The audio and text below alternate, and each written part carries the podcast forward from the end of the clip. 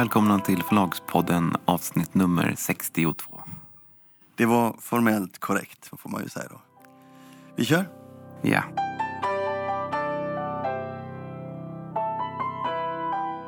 Du är lite irriterad. Nej, det är jag inte.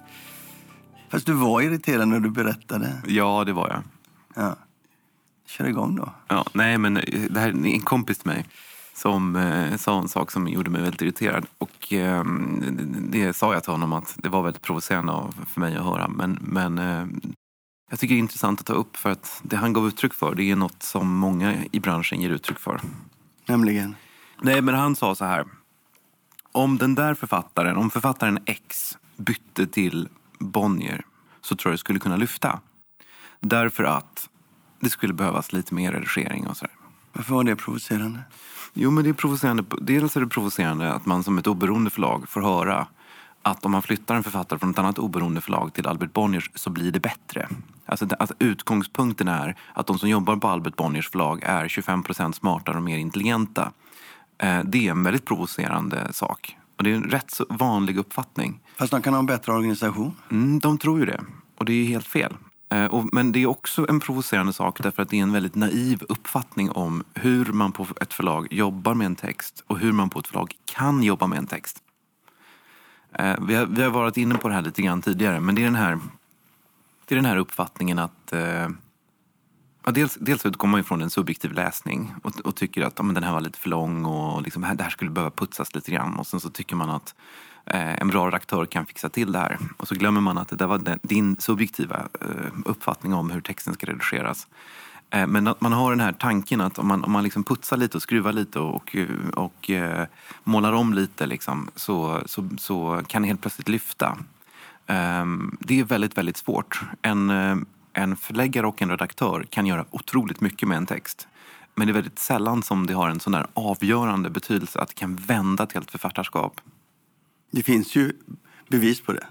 Att det går att göra det också. Absolut, det finns bevis på det.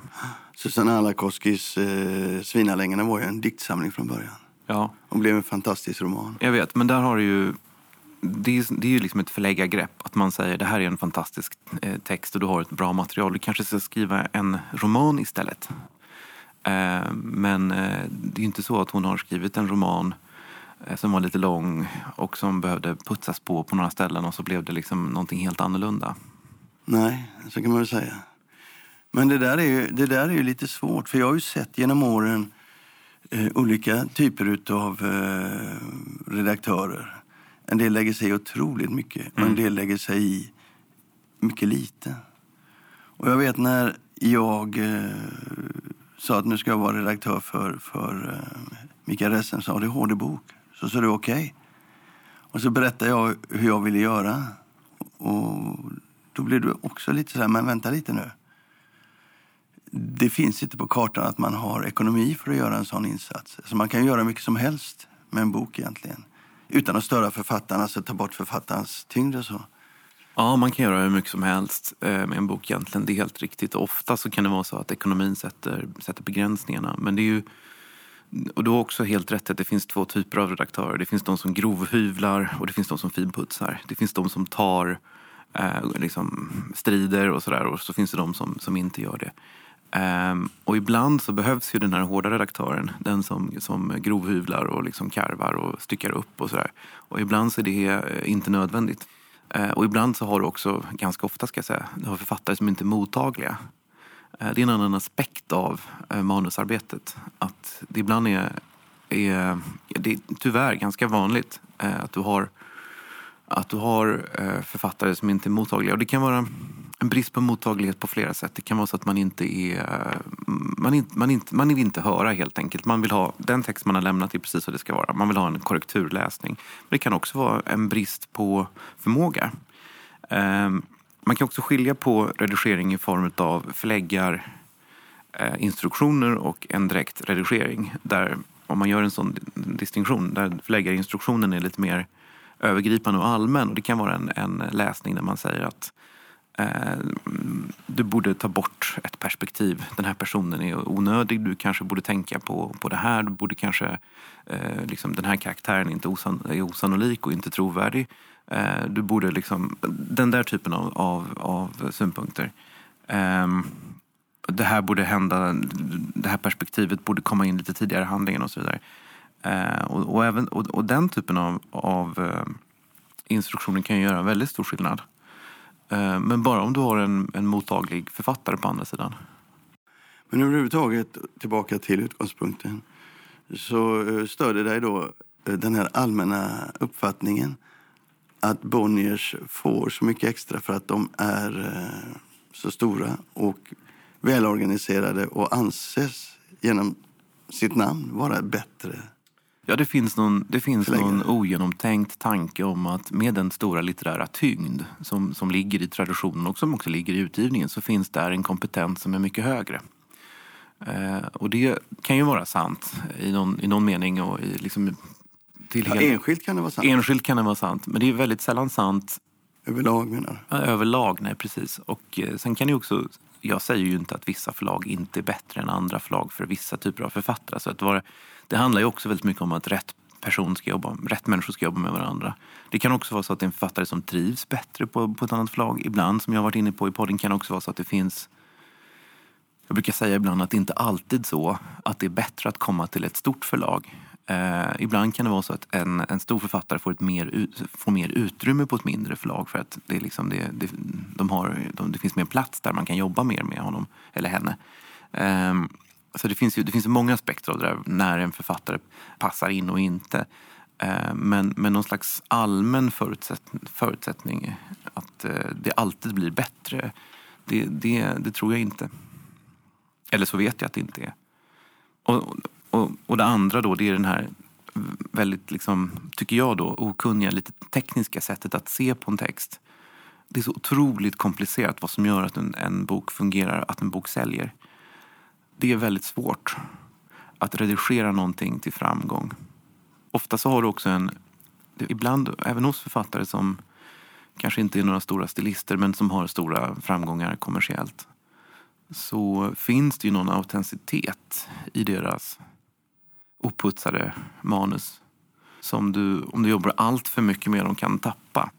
Det finns, det finns många stora författare idag, alltså många författare som säljer väldigt stora volymer idag som, om de inte hade varit så etablerade så hade de nog, man nog kanske jobbat lite mer med dem. Men eftersom de är så etablerade och har så hög status så gör man inte det. Och det funkar ju ändå. Därmed inte sagt att man bara aldrig ska jobba eller släppa igenom vad som helst. Utan allt är väldigt eh, komplicerat. Och allt beror väldigt mycket på vem det är, vilken text det är, vilket sammanhang det är. Men du kan inte ta en författare som säljer halvdant och sen så sätter du Albert Bonnier redaktör på det och sen så helt plötsligt ökar försäljningen med 20 procent. Det är idioti. Att tro det? Ja.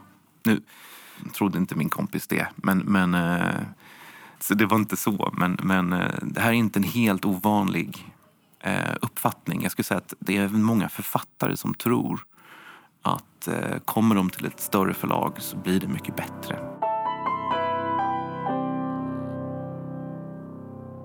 Jag har funderat en hel del på det här runt ljud. Ljud och papper. Mm. Vi har pratat till förbannelse. Men jag bara lutar åt ett helt annat håll när jag tittar på marknaden. Jag såg att Lars Schmidt skrev om det lite i Svensk Bokhandel. Det fick mig att börja fundera. Vilka är det egentligen som lyssnar? Vilka är det som läser?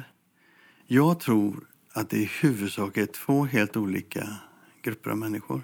Det är många som tror det, men det är, jag tror inte att det finns riktig statistik som, som stödjer det. Nej. Men alltså, om, du om jag tittar på mig själv då, mm. och så ska man ju inte titta, så lyssnar jag och läser jag lika mycket. Och det är väldigt många som gör det. Jag tittar runt mig mm. själv. Siri, min sambo, hon mm. lyssnar jättemycket på böcker. Men när man tittar ut på andra grupper av lyssnare och läsare så tror jag att det är två olika kulturer. Jag tror ju att just det här att lyssnandet har gett att du fått en otroligt mängd nya människor. Nej, men det, som lyssnar på böcker, som inte, inte jag, läser. Jag ska inte låta så tvärsäker nu, men eh, det där hör man hela tiden. Och det där sa man ju även förr i tiden så när, när vi hade CD-skivor. Så sa, så sa man att det är så bra för nu lyssnar lastbilschaufförer på böcker och på romaner. Ja, men jag tror att det där är lika lite sant nu som det är sant som det var sant för 15 år sedan. Men de som var medlemmar i Bonniers lyssnarklubb, det var ju sådana som också var medlemmar i andra bokklubbar och som gillade böcker. De som gillar att lyssna på ljudböcker är också folk som köper vanliga böcker. Om jag tittar runt omkring mig, här på förlaget eller i min bekantskapskrets, så då är det naturligtvis väldigt många människor som gillar böcker, men de lyssnar på ljudböcker.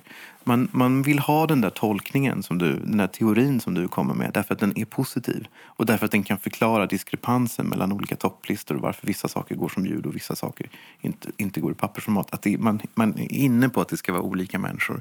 Jag tror att det är otroligt överlappande. Det är klart att av de som lyssnar på streamingtjänsterna så är det folk som gillar böcker.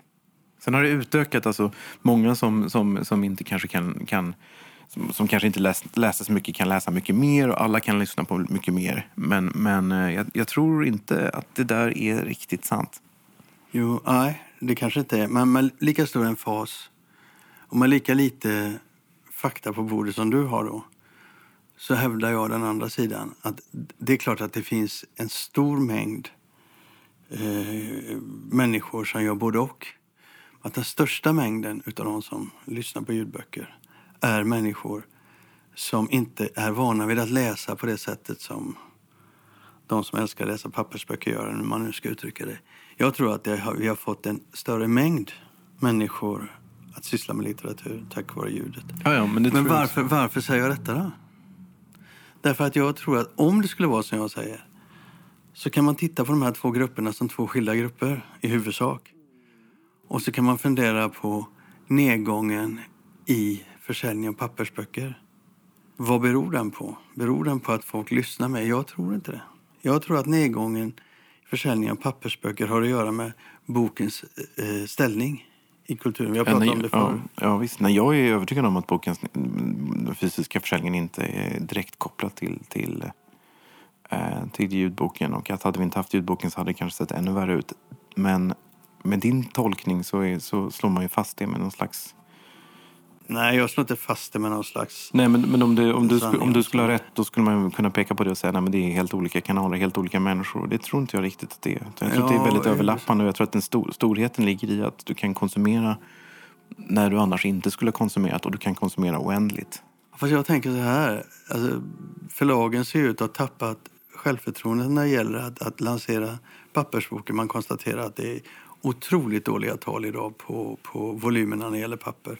Så dåliga tal så att det kommer att påverka vilken typ av böcker som ges ut i framtiden. Jag, jag har aldrig hört så dåliga tal eh, överhuvudtaget. Nej. Och jag vet ju att du är förtvivlad över pappersförsäljningen och nedgången och andra förlag är likadant. Men om man då ser och så är man glad över ljudboken, men jag tror att man måste lägga väldigt stor kraft vid pappersboken och vid pappersbokens synlighet i samhället. Nej, det är klart att du tycker det, för det är ju helt i linje med hur du brukar resonera. Någonting går, går dåligt, Exakt. låt oss lägga ännu mer resurser på det. Nej, men vi har, vi har någonting stor, går dåligt, vi har, en stor, dåligt? vi har en stor strukturell kraft här. Låt oss arbeta emot den kraften. Vi säljer mindre pappersböcker, låt oss eh, göra lite mer pappersböcker. Nej, men låt oss fatta varför vi säljer mindre pappersböcker. Ja, det och låt oss inte. fokusera på att lyfta pappersboken i, i eh, i kultursamtalet eller vad du vill. Alltså fokusera på pappersboken. För jag tycker ju att förlagen... Mm. Ja, men om vi, det tror jag. Om vi fokuserar på, på pappersboken i kultursamtalet då kommer eh, pappersboken att eh, öka något alldeles fruktansvärt och vi kommer få en fantastisk flora av independent-boklådor som växer upp som svampar ur marken. Det är lösningen. Tack Lasse. Vet, vet, du att du, du är väldigt rolig när du ska försöka vara ironisk? Nej, men du har, du, ibland, så, ibland så har du väldigt enkla lösningar. Det, jag säger inte att det är en enkel lösning. Ibland, det där var, det där var så romantiskt flum så jag orkar faktiskt inte ens höra på det. Nej. Ja, nej, jag ville komma till något annat, men du är ju hopplös, Kristoffer. Det går inte att prata med dig.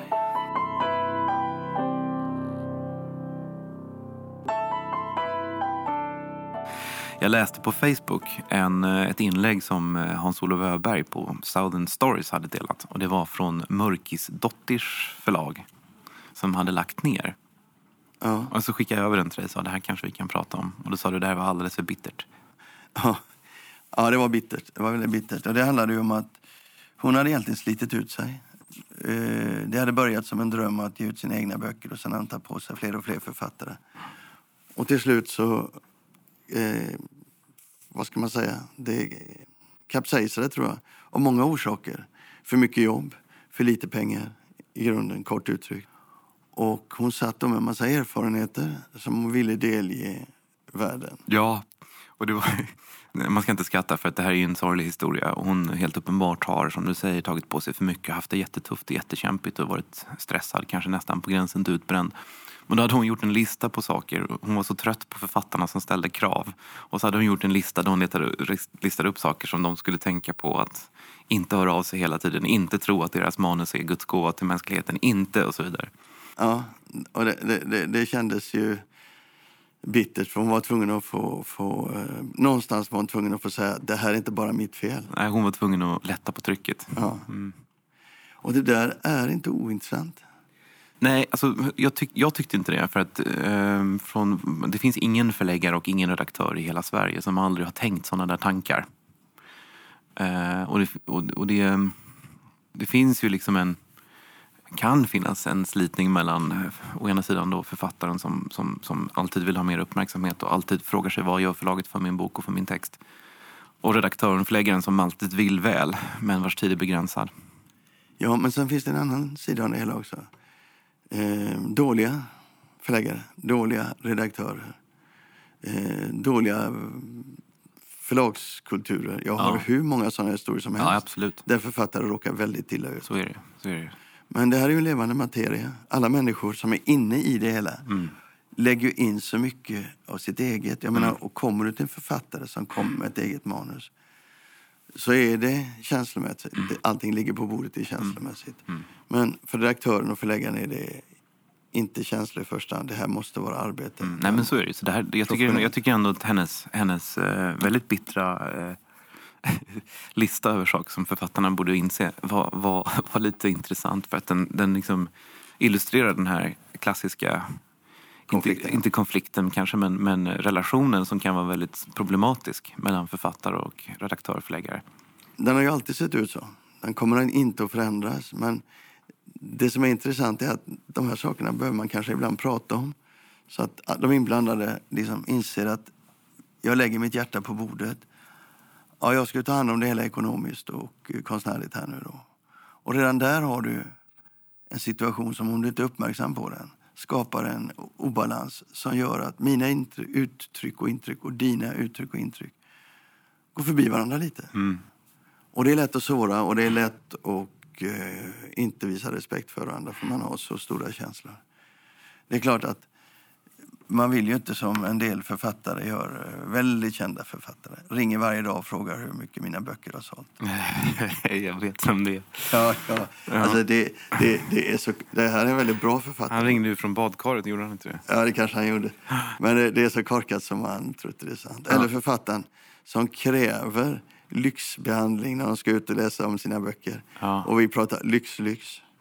Och vi pratar författare som liksom tror att de lever i, i eh, jag vet inte, i kejserlig miljö. De kräver så otroligt mycket. De, är, de känner sig så uppburna. Och det är klart att säljer du plötsligt 100 000 ex en bok så tror du att, och tror att du är någonting, då är du jobbig som författare. Det finns sådana också, rätt många. Vad du sa att eh, från författarens perspektiv så handlar det väldigt mycket om känslor. Man är väldigt utlämnad. Det är en text som man har skrivit som oftast utgår från det personliga. och. Medan redaktören och förläggaren, för dem är det bara ett jobb. Ungefär som att man går till läkaren med något Det jobbigt. kan vara ett passionerat jobb, men det kan Ja, det men, jobb. det, så är det ju. Men, men vad författarna ibland verkar glömma bort det är att de här förläggarna och redaktörerna trots allt också har känslor. Ibland så, det, det är ju så att författare som eh, är uppskattade på ett förlag eh, får ju lite mer om, blir lite mer ompysslade. Författare som, en, som, som man tycker väldigt mycket om ger man kanske ut fast man borde refusera. Eh, det där ver, verkar inte tänka, så många Nej, det är ju levande materia. Och har man varit i den här branschen tillräckligt länge, eh, och nu pratar vi, vi kanske ska säga det, att vi väljer att inte prata om Lind och Company för då blir det alldeles för Jag har väldigt fina författare. Ja. Nå, vi, vi, vi kan ju inte gå in där för då blir det verkligen konstigt. Nej men, nej, men jag har verkligen fantastiska författare. Som, och och det, det är ju en av de stora sakerna med det här jobbet. Att man, att man träffar så många underbara människor som man annars inte skulle ha träffat. Men man träffar också väldigt utmanande människor. Mm. Så är det. Har man jobbat som vi bägge två har gjort i den här branschen så länge så har man hur många historier som helst. fasansfulla historier. Jätteroliga historier. Och historier som förläggare pratar mellan varandra. Du vet när man är på party eller när man är i Frankfurt och sådär. Va? Och så plötsligt så kommer en världskändis fram. Och så börjar de berätta, ja, när vi utger henne eller honom. Och när vi utger henne eller honom i mm. vårt land. Så. Då ska det stå en limousin med en färdigblandad eh, dry martini. Ja, alltså, du vet vem det är? Ja, vi ska ta upp det strax. Men det är så jädra intressant. En av mina absoluta, absolut mest, som jag respekterar mest idag, författare, har alltså historier runt sig som är avskyvärda. Av krav på lyx och så. Och pratar om solidaritet och pratar om fattiga. Men kräver en otrolig lyx. Är den svensk? Nej. Men historien när, när eh, Ken Follett kom till Sverige. Ja, det var Ken Follett som ja. ville ha limousin. Och... Nej, men den var ju så jätterolig. Alltså, Ken Follett har ju enorma krav. Eh, alltså, han ska mötas av en limousin och det ska vara en ros i bilen när han kommer. Och det ska finnas det och det på, på um... På rummet skulle det vara en särskild sorts chokladgodis och det skulle ja, vara en, så, ja. en, dry martini i bilen. Och, ja. ja, dry martini kommer jag inte ihåg. Men i alla fall så ringde jag Jonas Axelsson som då var ansvarig för, för eh, Ken Follett som skulle komma på turné. Så jag vill ta rygg på Follett. Jag vill, jag vill göra det från Arlanda och hela vägen in. Och då berättade ju eh, Jonas, och jag förstod ju hur jävla nervös han var. Mm. Hur ska det gå? Follett är i det här läget alltså väldigt, väldigt stor i Sverige. Hans, hans 1900-talstrilogi som kom i den här vevan, som finns i pocket idag, de är, mm. oh vad bra de är. Eh, så jag följde med honom. Så jag fick gå på Grand och äta eh, frukost och intervjua honom och sådär. Och sen visade det sig i slutet, när vi summerade allting, det var en otroligt emabel människa. Otroligt lätt att göra med. Men var det bara en, liksom en show han eh, uppvisade de här sakerna? Eller? Ja, det vet jag inte. Det var inte så noga i slutändan. Nej. Men han har ju någonting som han skickar ut för att antagligen så blir han bemött på olika sätt. Han vill ha, jag vill ha lugn och ro när jag gör det här. Va? Ja. Saker och ting ska göras. Han gör ju saker och ting väldigt tajt. Så att, så vill jag ha det, så vill jag ha det. Då är jag trygg, då känner jag mig hemma. Va? Och då kände jag efter och så här, men, ja, det var ju inte hela världen. Nej. Och det var en jätte jätteroligt. Men när man får en sån kravlista till, skickad till sig från en författare eller författarens agent så får man ju eh, skrämselhicka på förlagssidan. Ja. Man tror, att, man tror att det är en, eh, en tyrann som ska komma på besök. Ja. Och just det är också det där att han ställer krav för att han kan. Mm. Det, det, är det som är så osympatiskt. Kommer du ihåg han spanjoren? Vad heter han? Eh, Vindens skugga? Ja. Mm. Eh, Ruizafon. Han slog igenom otroligt med Vindens skugga. Och alla ställde sig på kö. Och den, eh, den blev ju en eh, världssuccé. Men så började jag höra ryktena hur otrevlig han var. Och sen kom nästa bok. Och då så sa han så här. Allt är nollat. Spelar ingen roll hur mycket ni har gjort för mig, hur mycket ni har sålt och så. Nu gäller det här. Alla får vara med och ge bud. Just Högsta det, budet det var Bonnier som gav ut boken först. Ja. Och sen blev det budgivning då. Och så ja. sa han det där hemska. Och sen så kom den på Norstedts istället. Ja. Men, sen sålde den inte särskilt bra och sen väl ingen veta av Karl. Nej, ingen vill veta av honom. Alltså, han grävde en sån grop där. Men det var också så att han var så otrevlig när han kom och skulle göra författarbesök. Mm. Alltså förläggaren då som kom med glädje och tyckte det var jätteroligt att han kom. Han, han snubbade dem på ett sätt som fick dem att känna sig som skit under foten. Det finns mycket sånt där också, väldigt roliga saker att berätta. Men Rysafon, han tog livet av sig själv. Ja. Det finns ju ingen av de förlagen, och det var oftast de största förlagen, ville ha med honom att göra sen. Spelar ingen roll hur bra han var. Och världen är full av såna. Världen är full av såna historier. Mm. Och den som är bokälskare och bok, läser böcker och så. Och vi pratar ju ibland om det här, du måste skilja författarna från verket. Skulle bara veta ibland alltså. Det är väldigt, väldigt speciella människor. Det är som med, det är som eh, Keith Jarrett, vet du vad det är? Eh, pianist, världskänd och otroligt bra pianist. Jag, jag, älskar hans musik. Och så läste jag en, en eh, essä av Michael Gilmore, en amerikansk eh, musikjournalist, som hade träffat honom. Och efter det kan inte jag titta på, på, på, på eh, Keith Jarrett utan att tänka att du måste vara det största rövhål världen har skådat. Men han gör kanonmusik. Jo. Och sen har jag insett att jag har nog fel där. Det finns andra orsaker till att han beter sig som man gör. Men han kan vara otrevlig. Jo. Så man måste försöka. Men ibland har jag klarat jag det. Nej. Nu gled vi ut där, men det var Nu rätt blev det roligt. skrämmande. Ja. Mm. Vi slutar där, va?